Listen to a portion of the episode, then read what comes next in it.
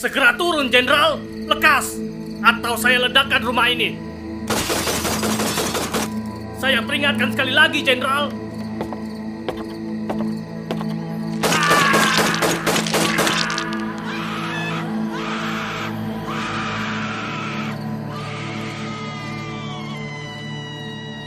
Worldwide Production present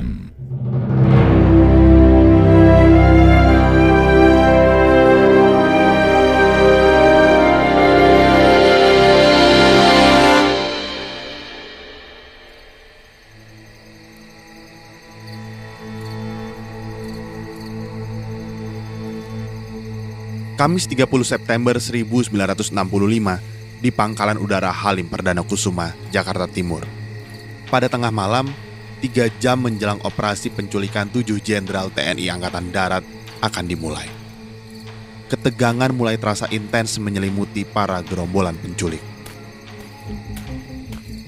Beberapa lelaki tampak terburu-buru memasuki gedung pemetaan nasional, divisi pengamat udara TNI Angkatan Udara tak jauh dari sudut barat Laut Halim.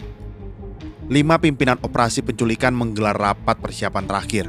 Mereka adalah Syam Kamaruzaman atau Ketua Biro Khusus PKI, Supono Marsudijoyo, Asisten Syam di Biro Khusus, Kolonel Abdul Latif, Komandan Garnisun Kodam Jaya, Letkol Untung, Komandan Batalion Pasukan Pengawal Presiden Cakrabirawa, dan Mayor Sujono, Komandan Resimen Pasukan Pertahanan Pangkalan di Halim. Mereka duduk mengitari meja rapat. Wajah mereka nampak letih. Seharusnya operasi penculikan sudah dimulai pada pukul 11 malam. Rencana pun akhirnya berubah karena tim inti terlambat berkumpul. Syah membuka rapat sembari mengepulkan asap rokok. Dalam rapat itu, laporan dari pasukan-pasukan di daerah sudah masuk. Ternyata banyak dari pasukan itu yang belum siap bergerak ke Jakarta. Ketegangan pun makin memuncak di benak para peserta rapat.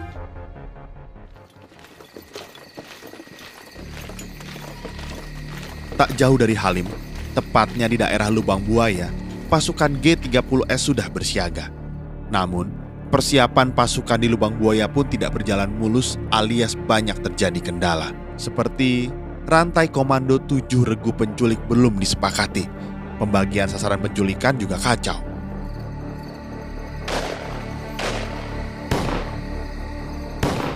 Dua tim penculik sebagian besar beranggotakan pemuda rakyat organisasi pemuda saya PKI yang baru belajar menembak. Namun mereka malah diserahi tugas mengambil target kelas kakap, yakni Menteri Pertahanan Jenderal Abdul Haris Nasution dan Panglima TNI Angkatan Darat Letnan Jenderal Ahmad Yani. Target kemudian ditukar lagi dengan pasukan lain dengan tergesa-gesa. Brigjen Suparjo, Panglima Komando Tempur 4 Komando Mandala Siaga yang tiga hari itu sebelumnya baru tiba dari Kalimantan untuk bergabung dengan tim G30S. Pada malam itu tertegun melihat buruknya persiapan. Ternyata setelah diteliti, kekuatan positif di pihak kita hanya satu kompi Cakrabirawa. Keraguan pun menjalar di benak para peserta rapat. Syam menghardik mereka dengan keras. Bung, giliran revolusi mau berjalan, banyak yang ingin mundur. Tapi lihat nanti kalau sudah menang, banyak yang mau ikut. Kekurangan apa pun tak bisa membatalkan rencana kita. Apa boleh buat? Kita tidak bisa mundur lagi.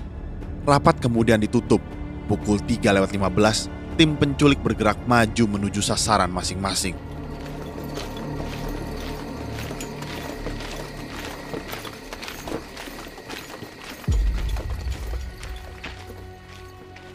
Inisiatif operasi penculikan dini hari itu datang dari Ketua Umum Komite Sentral PKI di Panusantara Aidit.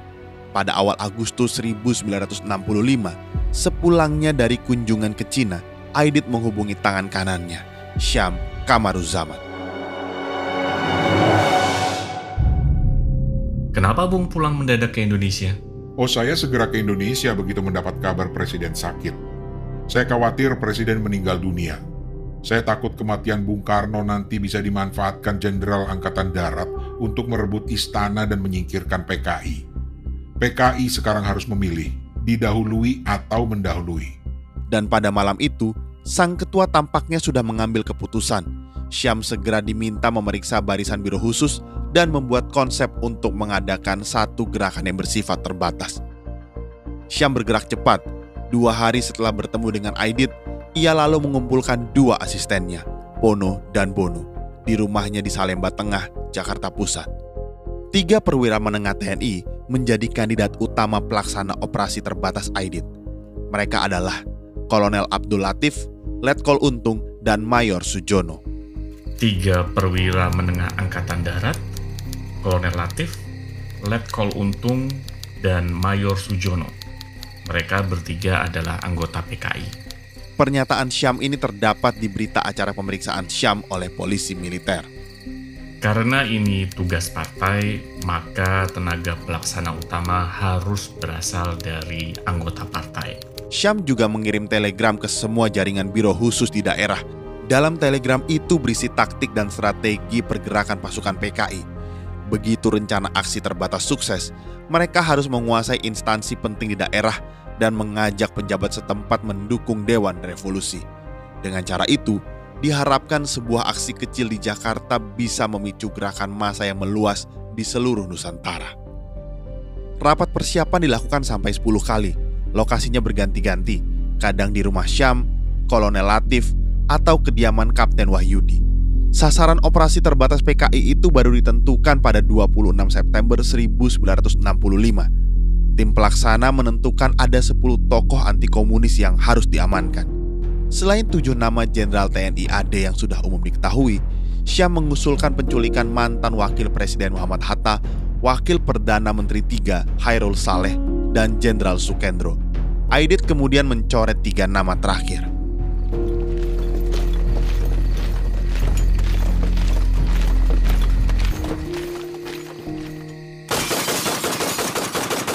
Segera turun, Jenderal! Lekas! Atau saya ledakan rumah ini! Saya peringatkan sekali lagi, Jenderal!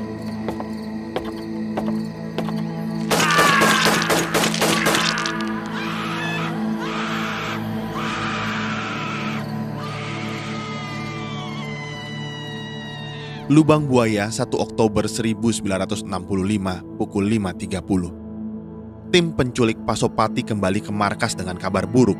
Tiga jenderal tewas tertembak, termasuk sasaran utama Ahmad Yani. Sedangkan Jenderal Nasution mampu lolos dari sergapan para penculik. Semula Aidit bermaksud membawa para jenderal ke hadapan Presiden Soekarno hidup-hidup dan meminta mereka membatalkan rencana kudeta Dewan Jenderal. Sekarang, rencana itu gagal.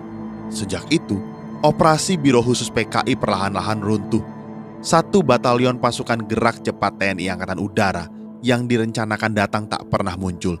Pasukan tank dan panzer yang diharapkan datang dari Bandung pun tak pernah ada. Kubu TNI menyerang balik para komplotan PKI. Di tengah serangan balik itu, pukulan terakhir datang dari Presiden Soekarno kepada Brigjen Suparjo yang menemuinya di Halim, Jumat siang 1 Oktober. Bung Karno itu memberikan perintah tegas. Jangan lanjutkan pertumpahan darah. Moral penculik pun langsung jatuh. Tepat pukul 7 malam, suara bariton Panglima Kostrat Maijen Soeharto pun mengudara. Gerakan 30 September adalah kontra-revolusioner. Ketika itu Syam sadar, mereka sudah kalah. Pada 2 Oktober pukul 1 siang, sehari setelah operasi dipastikan gagal, Syam meninggalkan Halim dan pulang ke rumahnya di Jalan Pramuka Jati, Jakarta Pusat. Sepekan kemudian, tanpa pamit kepada anak-anaknya, ia melarikan diri ke Bandung. Dibutuhkan satu setengah tahun bagi tentara untuk menemukan Syam. Pada 9 Maret 1967, Syam akhirnya bisa ditangkap TNI ketika bersembunyi di Cimahi, Jawa Barat, di rumah Letnan II Suparman, tentara yang bersimpati pada PKI itu. Setelah itu, aparat menguras informasi dari Syam tentang G30S dan Partai Komunis Indonesia.